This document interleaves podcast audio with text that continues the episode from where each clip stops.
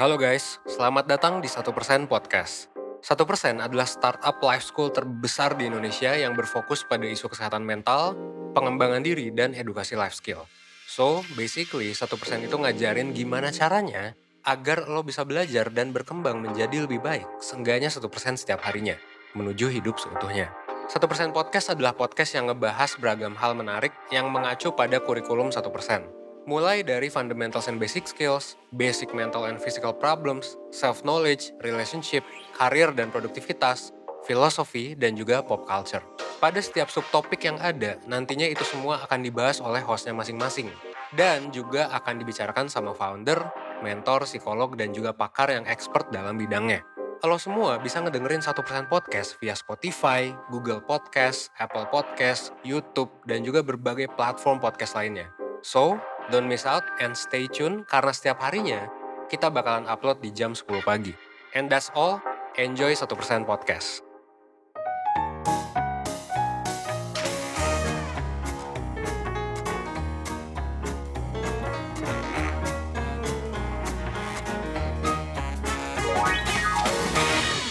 Halo Perseners, kembali lagi di 1% Podcast sama gue Jovanka, host dari 1%. Tapi podcast kali ini agak beda loh, karena hari ini kita mau ngobrol-ngobrol soal organisasi nih. Buat yang belum tahu, ke depannya kita akan bakal bikin banyak banget podcast soal organisasi yang membahas tentang organisasi tersebut. Kalau menurut Perseners sih, penting gak sih buat kita untuk aktif di organisasi? Nah, kebetulan gue udah ditemenin sama Clarissa Jasmine, Ketua Himpunan Mahasiswa Psikologi dari Unika Atmajaya. Aduh, keren banget nih. Halo Kak Tata. Halo. Boleh nih Kak dijelasin dulu sebenarnya apa sih HIMAPSI itu? Oke, HIMAPSI itu adalah Himpunan Mahasiswa Psikologi yang ada di Unika Atmajaya. Nah, HIMAPSI itu uh, merupakan sebuah lembaga eksekutif mahasiswa. Kalau di univ-univ lain mungkin seperti BEM gitu, Badan Eksekutif Mahasiswa gitu sih. Hmm, kalau tujuannya sendiri itu apa sih Kak dari HIMAPSI? Oke, kalau tujuannya HIMAPSI itu adalah memfasilitasi minat mahasiswa Fakultas Psikologi Unikat Majaya yang bis, yang biasa kita sebut FPUAJ yang belum tertampung di unit kegiatan mahasiswa atau komunitas yang ada di FPUAJ lainnya gitu. Tapi Kak, berhubung sekarang ini lagi virus sedang merebak di mana-mana, gimana sih rasanya memimpin organisasi di masa pandemi? Lebih sulit gitu nggak sih atau malah lebih mudah komunikasinya? Karena kan kalau rapat kita perlu gak perlu ketemu physically gitu dan emang kegiatannya biasanya di rumah aja gitu. Gimana sih kak? Uh, kalau menurut aku sendiri kalau dari segi kerjaannya masih nggak terlalu jauh berbeda karena memang bisa sebelum pandemi pun kita udah agak merembet ke online gitu biar cukup efektif waktunya karena di Atmajaya sendiri itu ada dua kampus, BSD dan Semanggi. Jadi hmm. pengurus kita dibagi dua. Nah, biar sekolah sebelum pandemi biar lebih efektif nggak yang Semanggi nggak harus ke BSD, yang BSD nggak harus ke Semanggi, kita udah mulai convert ke online gitu. Oh, jadi emang udah belum mulai ke online gitu ya? Iya. Tapi yang beda mungkin jadi rasanya kan kalau online gini kita nggak bisa kayak small talk kayak gitu-gitu ya, nggak bisa kayak hmm nyamper-nyamperin misalnya aku lihat pengurusku lagi duduk di mana di kafe gitu aku nyamperin ngobrol-ngobrol sebentar gitu. Sekarang kan nggak bisa. Kurangnya di situ sih sebenarnya. Jadi kurang kurang dekat aja kurang gitu dekat, ya? uh -uh, kurang dekat gitu. Tapi ngomongin soal rapat nih aku lihat di instagramnya Himapsi lagi ngadain acara Evolution ya atau Evolution gimana sih ngomongnya? Evolution oh Evolution nah itu acaranya apa tuh kak? Uh, kalau Evolution itu uh, project yang bergerak di bidang ilmiah. Jadi kalau mungkin kakak tahu mahasiswa itu kan ada namanya program kreativitas mahasiswa ya, mm-hmm. yang sebenarnya skala nasional. Tapi kalau saya evolution ini internal kita FPYJ itu dibikinin lombanya. Ini sebenarnya buat seleksi ke nasional itu sebenarnya. Nah, terus yang untuk eksternalnya itu ada lomba esai ilmiah nasional gitu. Jadi kita ngundang-undang dari univ lain untuk ikut lomba kita. Hmm, terus katanya ada webinar juga ya? Iya, terus nanti rangkaian acaranya ditutup dengan webinar. Duh, keren banget ya emang kalau masa pandemi gini tetap kerja gitu aja parkernya.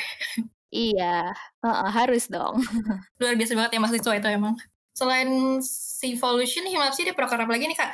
Uh, kalau untuk projectnya itu ada ada empat.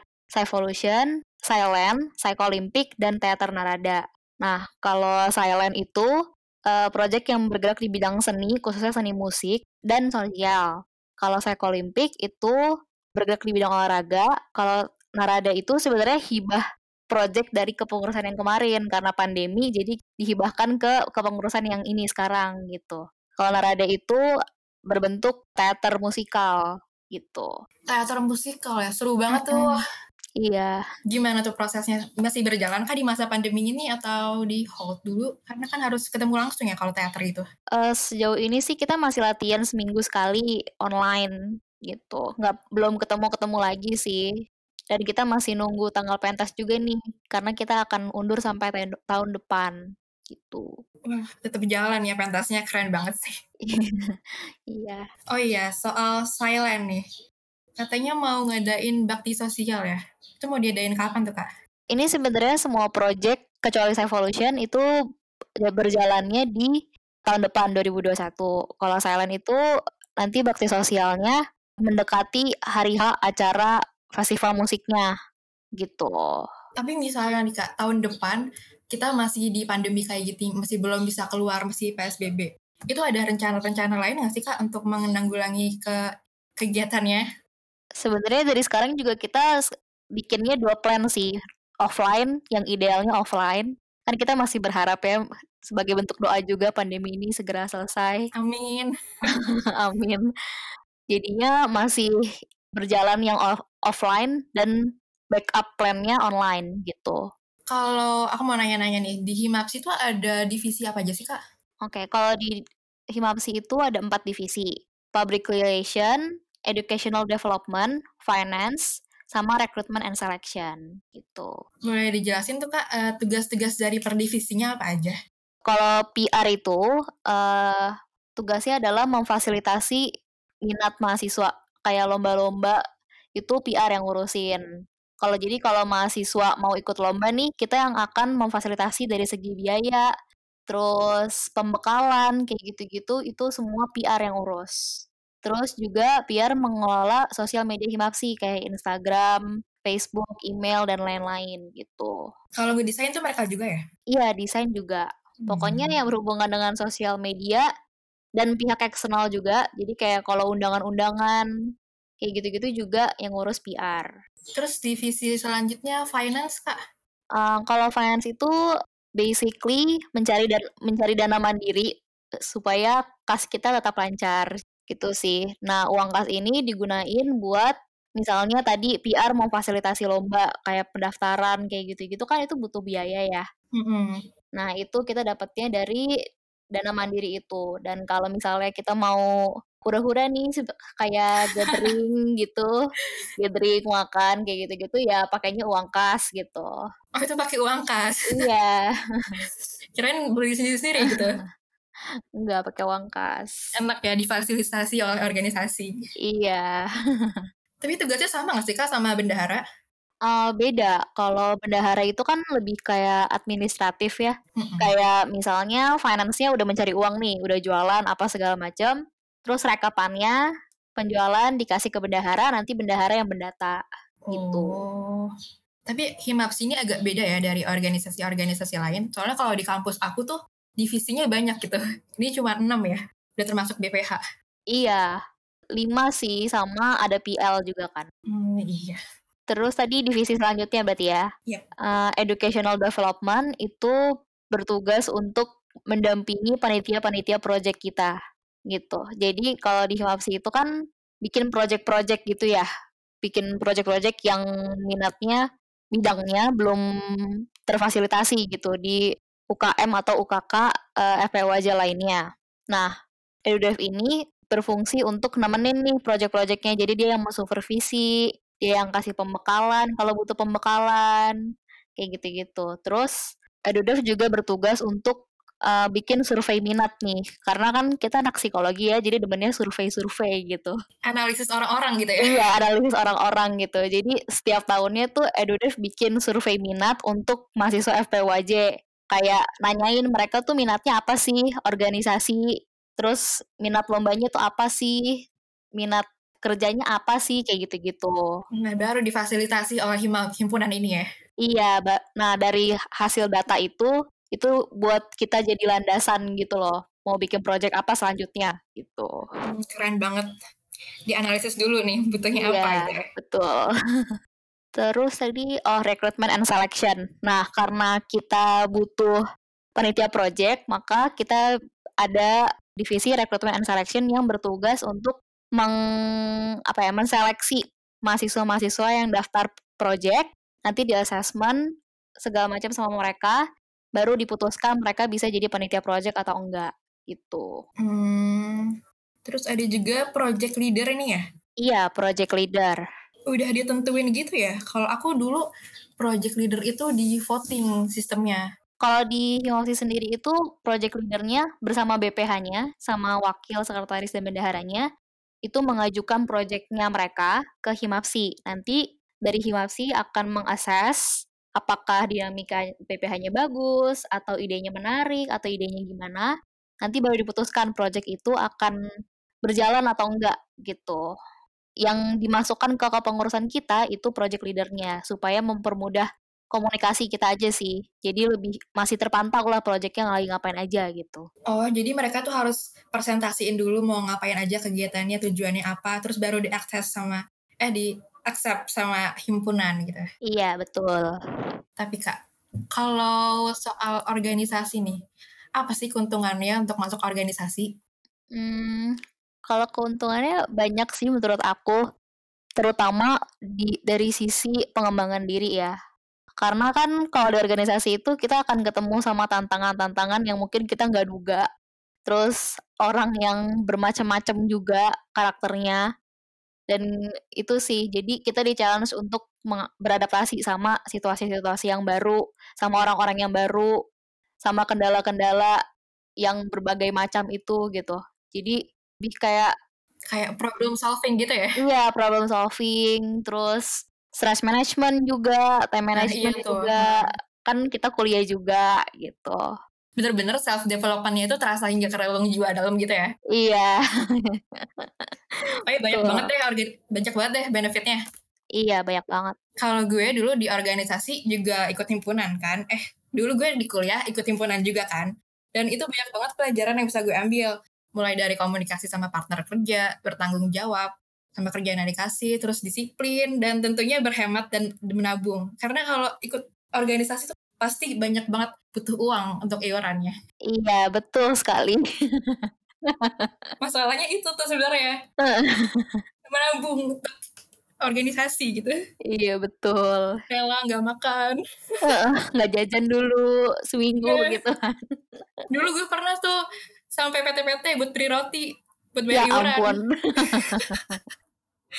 Karena banyak banget kan tuh iuran, ya ampun. Uh. Itu tapi seru juga ya kata iya, seru sih. Ya jadi cerita juga lah nanti kalau udah lulus. Mm -mm. Kayak belajar jadi gembel. Nah, belajar jadi gembel. Ngerasain punya duit sama nggak punya duit gitu. Iya, bener banget. Mau ngapa-ngapain gak bisa. Iya. Organisasi itu prioritas pertama dalam kehidupan. Iya, betul. Kayak apa itu kuliah gitu kan kalau udah organisasi. Iya bener banget. Kayak udah lah nggak usah belajar nggak usah tidur yang penting keluar nih acara. Iya betul. Aduh tapi seru sih ya. Iya seru banget sih. Tapi kalau dari kakak sendiri nih apa sih hambatan dalam berorganisasi itu kan menurut kakak ya? Hambatannya ya mungkin dari diri sendiri kali ya kayak kalau lagi capek banget bisa demotivasi kayak males banget gitu rasanya ngerjain kerjaan organisasi kalau enggak bentrokan sama tugas-tugas kuliah yang super-super banyak gitu kalau di psikologi.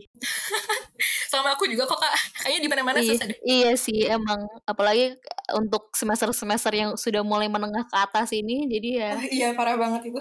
Uh, semakin semester parah lah. Aduh. Iya, ampun. Terus gimana tuh cara mengatasinya? Organisasi dengan kuliah, dengan tidur gitu mau nggak mau sih mengorbankan tidur ya Waduh, aku gak bisa sih suka. Cuman ya, ya kalau aku sih jalanin aja. Kayak ya udah mau mau ngapain lagi, udah nggak mungkin mundur juga gitu. Nah bener banget. Teman-teman juga pasti ngedukung kita kan ya? Iya. Oh iya, denger-dengar nih kak, katanya dulu tempat ada project tentang toxic relationship ya. Itu oh, tuh kalau iya. boleh tahu tentang apa sih kak? Terus kenapa nggak dilanjutin lagi? Hmm, oke. Jadi uh, project yang soal toxic relationship itu yang tahun lalu namanya Psychocare.